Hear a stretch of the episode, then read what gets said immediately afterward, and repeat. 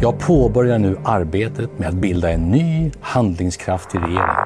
Det är klart. Ulf Kristerssons lag har vunnit valet. Men nu väntar svåra förhandlingar. Vår ambition är att sitta med i regeringen. Liberalerna släpper inte fram Sverigedemokraterna i regeringen. Hur ska Kristersson egentligen få ihop sitt regeringsunderlag där forna fiender nu ska komma överens? På en kvart får du veta vem som kommer kräva vad och vilka röda linjer som kommer korsas. Jimmy Åkesson har varit väldigt tydlig med att, att vi någonstans också måste kunna förvänta oss ett, ett, en utdelning som står i proportion till vår storlek. Det är måndag den 19 september och det här är dagens story från Svenska Dagbladet med mig, Alexandra Karlsson.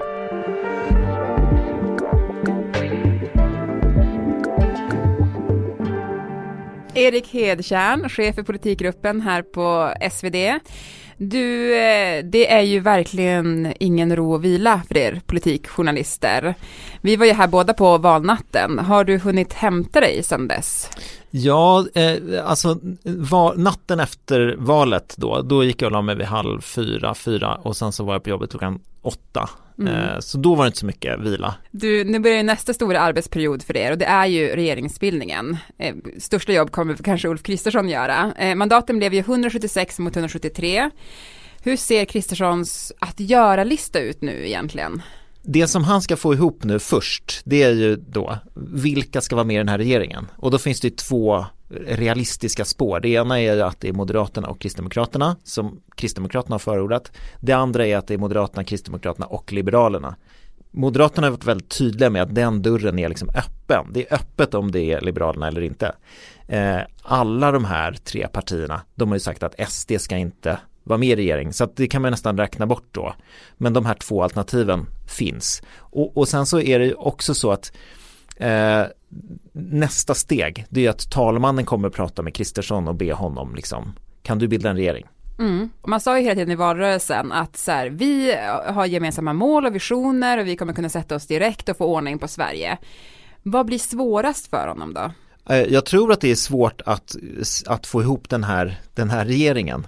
Eh, och den, beroende på hur det ser ut så blir det ju olika liksom, problem. Om man tänker sig att Liberalerna är med i regeringen eh, då har de ju liksom säkrat upp lite mer mot att om man tänker sig så här enskilda liberala ledamöter som skulle rösta mot regeringen.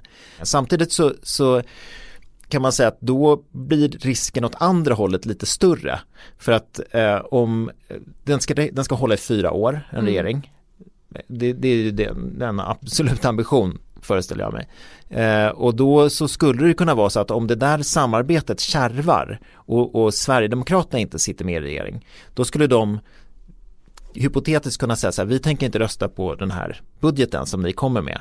Eh, och då i ett sånt läge så är Socialdemokraterna själva större än liksom ett MKDL regering. Så då skulle de bara behöva rösta på sitt eget budgetförslag och så skulle jättemycket liksom rasa ihop. Och om man tänker på hur Kristersson har låtit när han har kritiserat den här regeringen under den här mandatperioden så har ju mycket av kritiken varit så här, det är för skört, eh, det är för lätt att fälla, ni får inte ens igenom er budget i riksdagen, det är liksom fundamenta.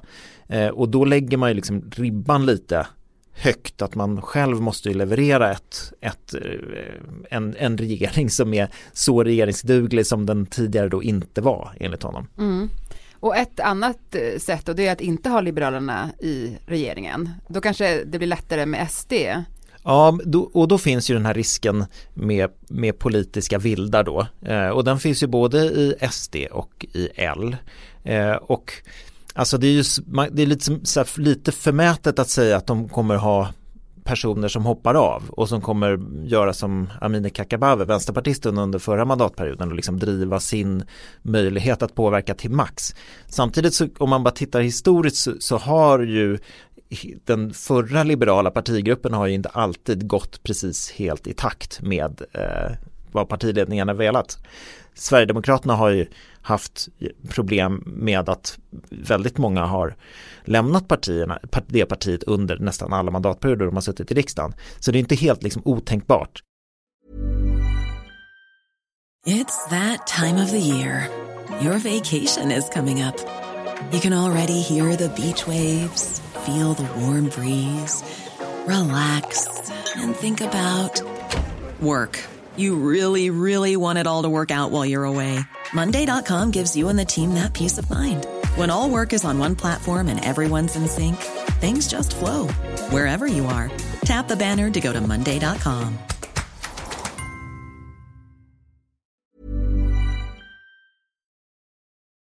Men du, Sverigedemokraterna, eh, det är ju näst största parti nu och störst i regeringsunderlaget. Hur mycket kommer de kunna kräva i förhandlingarna? Ganska mycket föreställer jag mig. De flesta brukar säga så här, det här att de ska stå utanför en regering, det har kanske ett särskilt liksom, högt politiskt pris om man ska få sakpolitik eller ska få igenom saker. För man kommer inte då leda ett departement eller sitta i en regering med all, alla de beslut som, som, som en regering, alltså regeringsmakten är ju betydande och den kommer man då inte ha direkt eh, tillgång till. Mm. Och då måste man ju få något annat. Så, så är det liksom det vanliga resonemanget. Mm. Och man har ju pratat från SSs håll om avtal, att det ska vara väldigt tydligt vad man kommer få. Ja men det, och det, det, vet vi inte hur det kommer se ut för det där kan ju se ganska olika ut om man har liksom en lång punktlista eh, eller om man har mer avsikter. Eh, och det som vi har sett med januariavtalet då är man ju väldigt detaljerad. Och, och, och, en, en bakgrund till det, det är att det var ju partier som liksom egentligen inte ville vara ihop eh, och som inte hade tänkt att de skulle vara ihop. Man, när man nu har några som har som avsikt att de ska vara ihop då kanske den där detaljerade listan inte behöver vara lika liksom, eh, minutiös. Mm. En sak som jag tror att många tänker på eh, det är ju att det här faktumet då att det största partiet eh, i eh, regeringskoalitionen inte sitter i regeringen. Hur anmärkningsvärt är det? Det är ju ovanligt. Mm. Alltså om man eh, internationellt så är det ju ovanligt. Det är ju ovanligt eh, jag hörde, eller läste i våran tidning, finska statsvetare som tyckte att det var liksom uppseendeväckande att inte Socialdemokraterna är de som bildar regering för de är ju störst. Och i det sammanhanget så, så måste det vara än, ännu märkligare eller ännu svårare att förstå att eh, okej okay, det största partiet i den största då eh, partigruppen, i det största blocket, att de inte ens får vara med i den här regeringen som de stödjer. Mm. Å andra sidan då, kan det finnas någon fördel för Sverigedemokraterna att inte sitta i regeringen? Ja, men eh, ja, det kan det ju göra för att de, det är ju ett parti som alltid ständigt har, har, har haft en oppositionsroll. Och, och det här att kliva från att vara väldigt duktig på att vara i opposition till att sitta i regering det kan vara en ganska svår eh, resa. Om man tänker eh, Jan Björklund till exempel som var eh, skolminister eller utbildningsminister eh, och Liberalernas partiledare. Han var ju liksom otroligt skicklig opinion, eller oppositionspolitiker i skolfrågor. Eh, och sen så skulle han ta ansvar för, för eh, skolan, den svenska skolan. Eh, och eh, Ja, men, och då vet jag att efter några år så hade han det här. Det, var som att, det är som att ändra skolan, det är som att vända en atlantångare, det tar tid.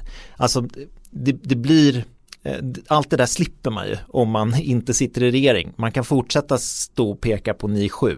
Mm. Eh, som Jimmy Åkesson har gjort, liksom sjuklöven. Och om man tittar på till exempel eh, andra partier som Dansk Folkeparti eh, som ju liknar Sverigedemokraterna mycket. De var ju ganska framgångsrika i att stå utanför eh, en regering och sen så påverkar den väldigt mycket. Mm.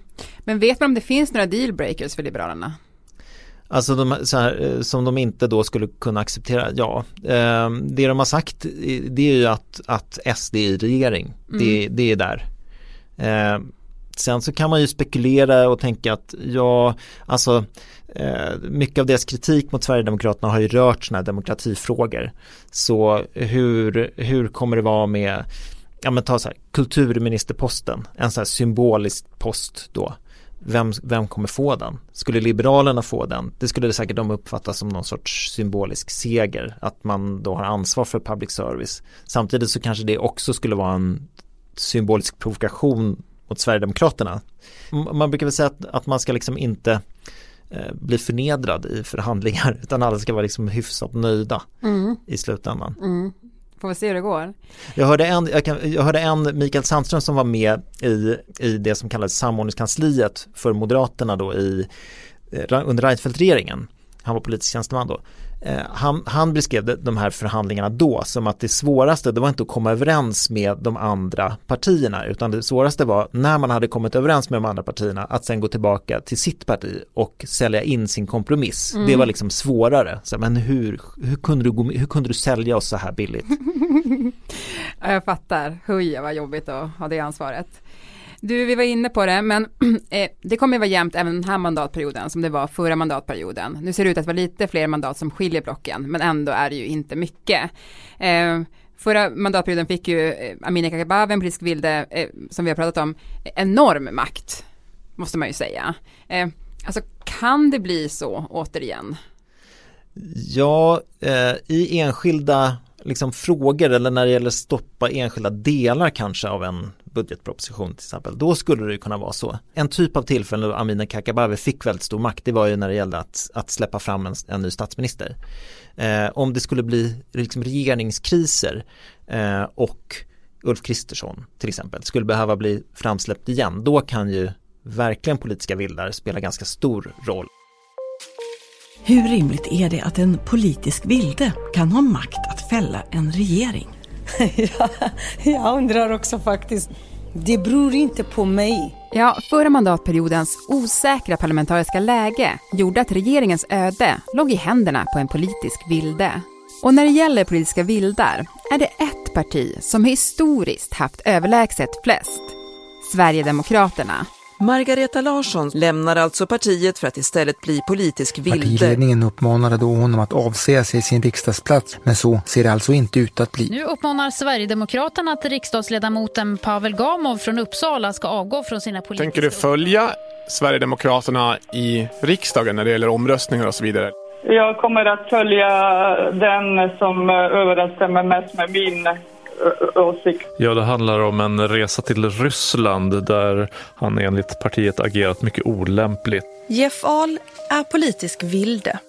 Tillsammans med Olle Fälten, Mikael Jansson och Anna Hagvall lämnade han under våren Sverigedemokraterna för att gå med i det nystartade och främlingsfientliga partiet Alternativ för Sverige. Mandatperioden 2014 2018 hade Sverigedemokraterna så många som sju vildar. Den senaste mandatperioden var det en riksdagsledamot som uteslöts. Har de fått ordning på det där? Alltså en konsekvens av valresultatet är ju att man på ett sätt får lite mindre koll på den. Därför att det är fler som kommer in. Eh, och eh, då kommer ju fler osäkra kort in. Sen, sen har inte jag koll på hela deras, eh, vilka som kommer in exakt och jag tror inte det är klart än. Och lite på samma sätt är det med, med Liberalerna, om de kommer in i regering, ja då är det många av dem som har riksdagsplatser som kommer sitta i en regering, som blir ministrar och då kommer liksom, då kommer personer som var längre ner på Liberalernas lista in i riksdagsgruppen och kommer de vara liksom lika lojala som de som står högst upp? Mm. Ja, spännande. Du Erik, sista fråga. Lätt är den inte, men när har vi en regering? Jag tror att Ulf Kristersson skulle vara otroligt glad om han kunde liksom redan när riksdagen öppnar den eh, 27 september eh, när man har en, eh, om han redan då skulle kunna bli vald som statsminister och presentera en regering. Mm. Eh, och då är det om mindre än två veckor önskar jag en sak, men, men kommer det bli så tror du?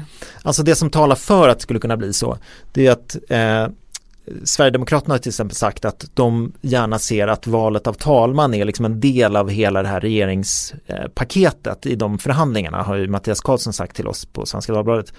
Och, och, och om det är så, då, då har man liksom ett definitivt deadline-datum för att den 26 september, då väljs en ny talman. Eh, och om det är en paketlösning som, som, ska, som där talmannen ska ingå, då måste ju allt vara klart den 26 september. Så där kan man ju få liksom en liten fingervisning om att någonstans så hoppas de ändå att det kan gå så fort. Mm. Så det är talmansvalet man ska hålla utkik efter för att, för, för att veta om det blir?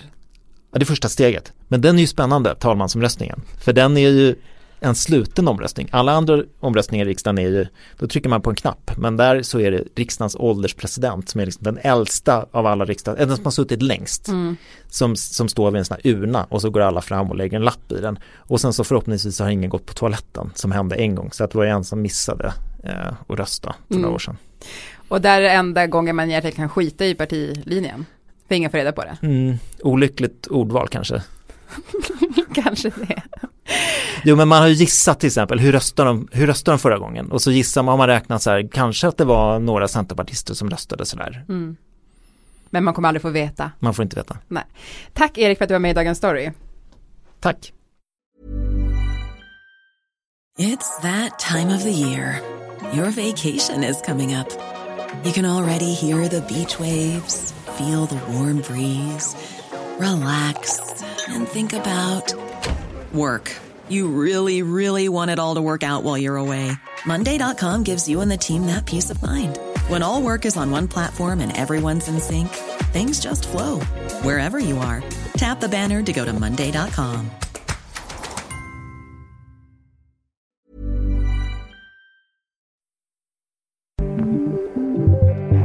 Hör du, politikreporter, det är som att vara matteprofessor nu för tiden. Uh, Lite. Ja, jag, det tog stopp i mitt huvud när jag tänkte matteprofessor. Uh, just, och det visar väl att jag kanske inte är min starkaste gren. Nej, men du är bra på att räkna mandat tycker jag. Programmet idag producerades av Elin Romeliotto, redaktör Erika Hallhagen och jag heter Alexandra Karlsson. Vill du kontakta oss så mejla till dagensstory.svd.se.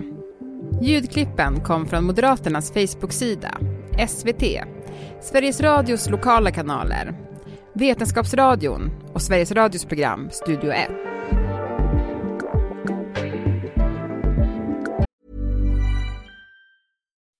When you make decisions for your company, you look for the no-brainers. If you have a lot of mailing to do, stamps.com is the ultimate no-brainer. Use the Stamps.com mobile app to mail everything you need to keep your business running with up to 89% off USPS and UPS. Make the same no brainer decision as over 1 million other businesses with Stamps.com. Use code PROGRAM for a special offer. That's Stamps.com code PROGRAM.